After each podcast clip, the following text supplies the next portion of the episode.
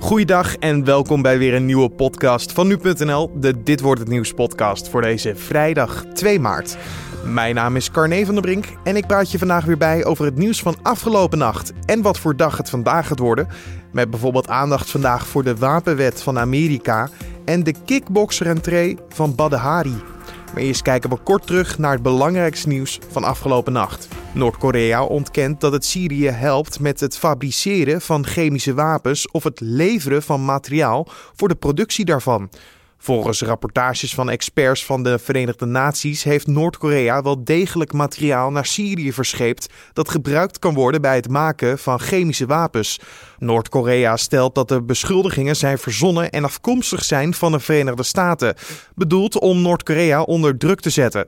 De relatie van Samantha de Jong, ook wel bekend als Barbie, en haar voormalig vriend Jordi is voorbij. Samantha en ik hebben besloten ermee te stoppen, omdat dit niet gaat werken, zei Jordi tegen Shownieuws.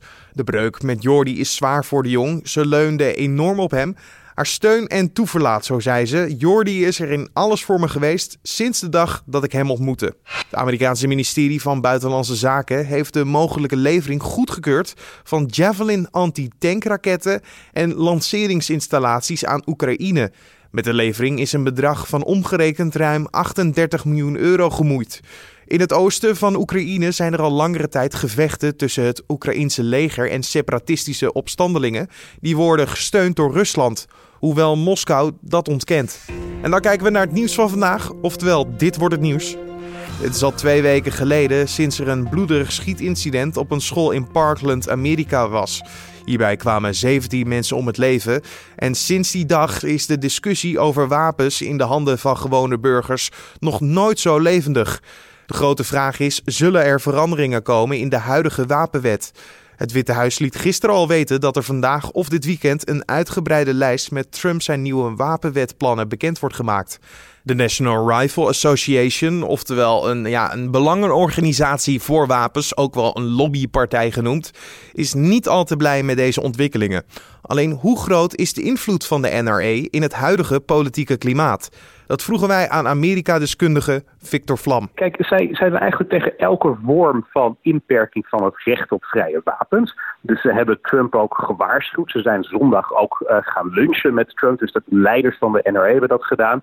En toen hebben ze ook uh, proberen duidelijk te maken dat zij het belangrijk vinden dat bijvoorbeeld de leeftijd van wapens niet verhoogd wordt van 18 naar 21. Maar wat het aangeeft dat Trump het toch doet, is dat er een uh, sterk gevoel is in Amerika dat er nu iets aan gedaan moet worden.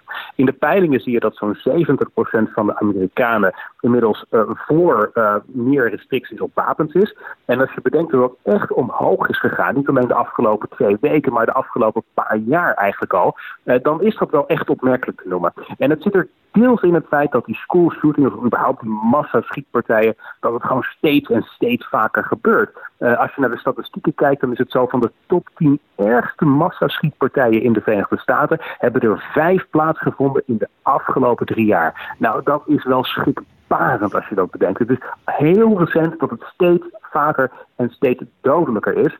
En daar is dat, het is gewoon een groot probleem waar wat aan moet gebeuren. Dus dat sentiment, daar probeert Trump een klein beetje op in te spelen. En dat kan de NRA wel in leuk vinden, maar het is wel een klein beetje het sentiment dat er nu heerst in de Verenigde Staten.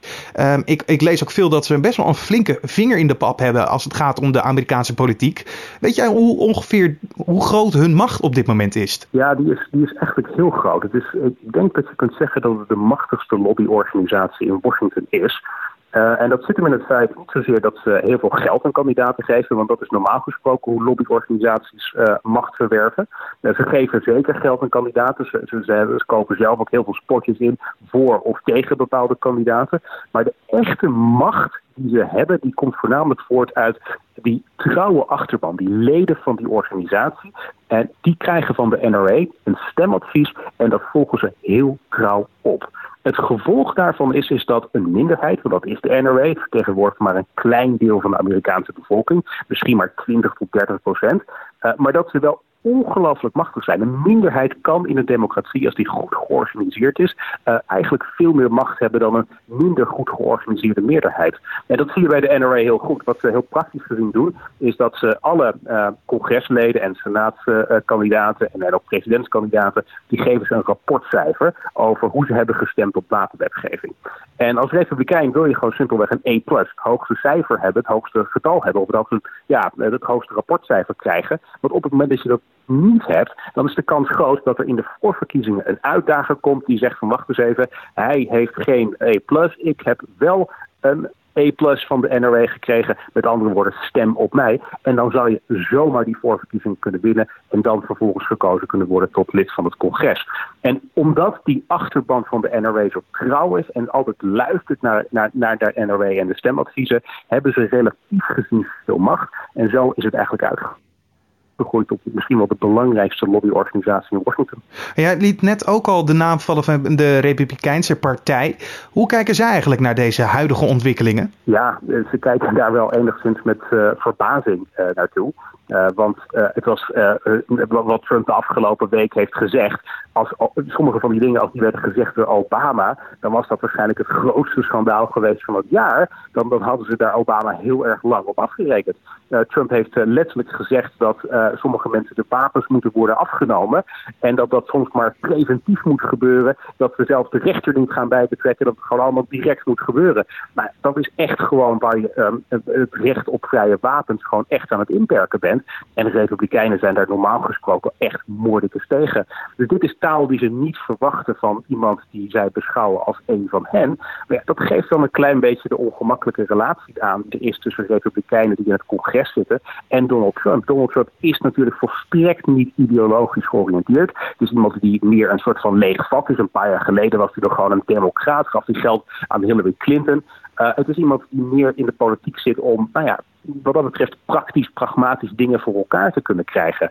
Uh, en dat, dat, dat is nou de moeizame relatie die ze hebben. Maar je zag het ook bij Mark Pence, de vicepresident van Donald Trump, die gewoon ja, echt volgens mij deze week echt even moeilijk had. Want dit is iemand die al jarenlang een groot voorstander van het recht op vrije wapens is. En die nu moet toezien hoe zijn president, zijn baas, dat uh, kennelijk wil inperken. Nee, ja, maar en natuurlijk kijk je ook naar. Dit zijn allemaal gevolgen van wat er nu speelt. Hoe de reactie van de verschillende partijen zijn. De NRA, het Amerikaanse volk. En natuurlijk ook van de eigen partij. Maar hoe denk je dat het dan echt in de komende nou, weken, maanden eruit gaat zien? Is dat koffiedik kijken of valt er iets over te zeggen? Ik denk dat we te maken hebben met echt een keerpunt in de wapendiscussie in Amerika. Ik denk als we hier over tien jaar op terugkijken dat dit een van de belangrijke mijlpalen is geweest waarin het uh, recht op vrije wapens wat minder absoluut werd. En om dat een beetje in historisch perspectief te, plaatsen, de eerste 200 jaar van de Verenigde Staten uh, accepteerde iedereen dat het tweede amendement van de grondrecht dat dat beperkingen kende, net zoals elk ander amendement van de grondwet. Net zoals bijvoorbeeld het recht op vrije meningsuiting. Dat is ook niet absoluut, dat kan ook niet beperkt worden. Het is pas sinds de jaren 70 dat de NRA machtig is geworden, dat zij eigenlijk hebben gepleit voor dat uh, bijna uh, onaantastbare recht op vrije wapens. En dat heeft de discussie heel erg bepaald. Ik denk, ik vermoed als ik zo kijk waar het heen gaat in Amerika, dat we nu weer de andere kant op gaan. Dat we stapje voor stapje zeggen van misschien moeten we toch wat meer dat recht op wapens ietsje inperken hier en daar. En dat kan nog best een lang proces zijn en dat zal zeker niet zo uh, heftig zijn dat meteen allerlei wapens verboden worden of ingeperkt worden. Maar het is denk ik wel een keerpunt in de zin dat het nu de andere kant op gaat. Want jarenlang werden alleen maar wapenwetten afgeschaft. Nu denk ik dat er weer uh, misschien in de toekomst bij gaan komen. Je hoorde Amerika-deskundige Victor Vlam. Deze zaterdag staat de kickbox-rentree van Badr Hari op de planning. In Ahoy neemt hij het in de 51ste Glory op tegen de Nederlandse kickbokser Hesti Gerges.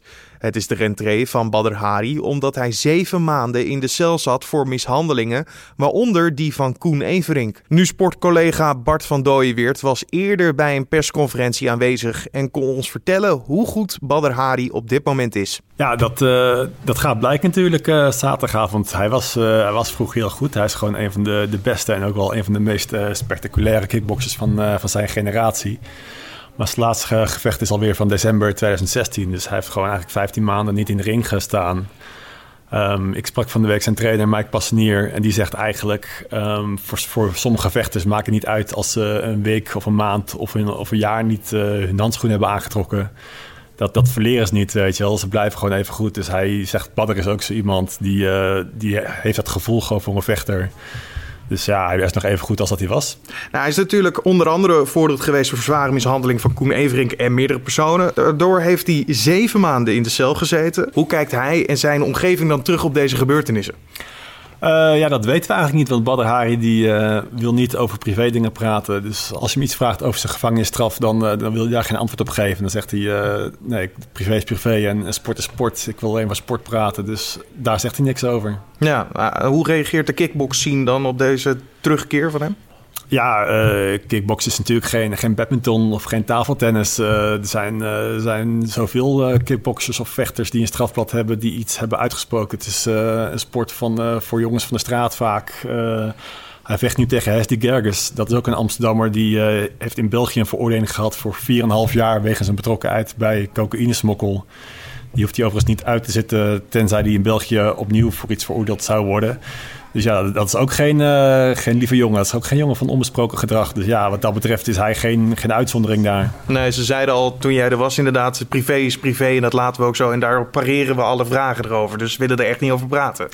Nee, klopt. Ja, Badder is natuurlijk. Uh, hij heeft, Badder is op zijn zevende begonnen met kickboksen. Heeft jarenlang keihard moeten trainen om aan de top te komen. Is toen op een bepaalde manier uh, bekend geworden in Nederland. Maar eigenlijk is hij pas echt een grote bekende Nederlander geworden door dingen die buiten de kickboxring uh, gebeurd zijn. Nou ja, ik kan me voorstellen dat het voor hem best wel vervelend is na al die jaren trainen dat hij eigenlijk op een verkeerde manier beroemd wordt. Uh, en nu wilde hij zich dus weer echt als bokser gaan profileren. Je Bart van Dooyenweert en dit weekend kan je een uitgebreid artikel over de aanloop naar dit gevecht lezen op nu.nl. En dit gebeurt er verder vandaag. In een belangrijke toespraak zal de Britse premier May haar visie op de Brexit verder uiteenzetten. Uit de toespraak moet onder andere duidelijk worden hoe de Britten bijvoorbeeld staan tegenover de toekomstige handel met de EU. Volgens bronnen zouden de Britten niets voelen voor het aangaan van een douane-unie na de Brexit. Ondertussen is er opnieuw veel kritiek op de manier waarop de onderhandelingen tussen het Verenigd Koninkrijk en de EU lopen op dit moment. Nou kijken we waar onze collega's vandaag over schrijven. RTL wilde eigenlijk liever Matthijs van Nieuwkerk als nieuwe presentator van RTL Late Night. Volgens de Telegraaf was Twan Huis tweede keus om Humberto Tan op te volgen. RTL wilde ver gaan voor de presentator van De Wereld Draait Door. Hij mocht zelf bepalen hoeveel hij zou gaan verdienen, maar hij ging niet in op dit aanbod. Opvallend is dat de NPO vorig jaar juist Tan op het oog had voor een talkshow in de maanden dat Van Nieuwkerk op vakantie is. Tan wilde destijds zijn contract bij RTL respecteren en moet nu stoppen met RTL Late Night. Bijna alle supermarkten schaden zich achter strengere eisen voor de telers bij wie ze groente en fruit inkopen. Het moet allemaal milieuvriendelijker, schrijft Trouw. Telers moeten minder bestrijdingsmiddelen gaan gebruiken en de uitstoot van broeikasgassen verder terugdringen. Dat zijn de eisen van het nieuwe keurmerk Planet Proof. Vrijwel alle supermarkten, met uitzondering van Albert Heijn, gaan het keurmerk gebruiken voor de inkoop van hun groente en fruit. En dan nog even het weer. Vandaag zal het kwik weer even boven nul komen. Overdag schijnt de zon vooral in het noorden en er blijft een harde oostenwind door het land heen waaien. De middagtemperaturen zullen schommelen tussen de 2 graden boven en de 2 graden onder nul. En in de avond gaat het in het zuiden licht sneeuwen. En dan nog dit. Waylon maakt vanavond in het tv-programma De Wereld Draait Door bekend welk nummer hij gaat zingen namens Nederland tijdens het Eurovisie Songfestival. Waylon zelf is er al een tijdje uit en liet de afgelopen dagen bij de talkshow vijf songs horen, waarvan hij uiteindelijk het definitieve nummer heeft gekozen. We gaan even luisteren naar de vijf nummers die Waylon deze week ons gegeven heeft. Nummer 1 luidt Back Together.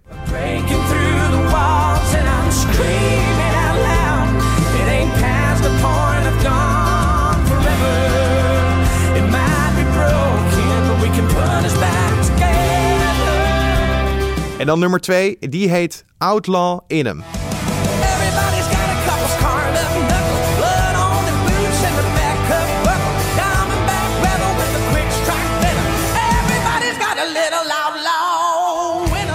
Nou komen we op nummer 3, The World Can Wait.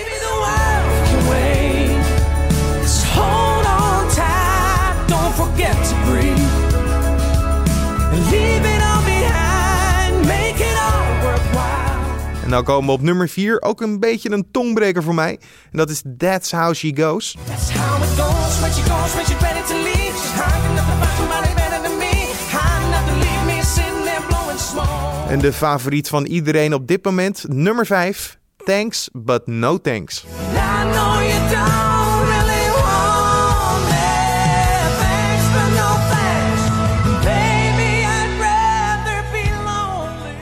Op 10 mei staat Waden in de tweede halve finale van het Eurovisie Songfestival. Dit jaar gehouden in Lissabon. En vanavond bij de Wereld Door hoor je welk nummer het geworden is. Dit was dan de Dit Wordt Het Nieuws podcast voor deze vrijdag 2 maart.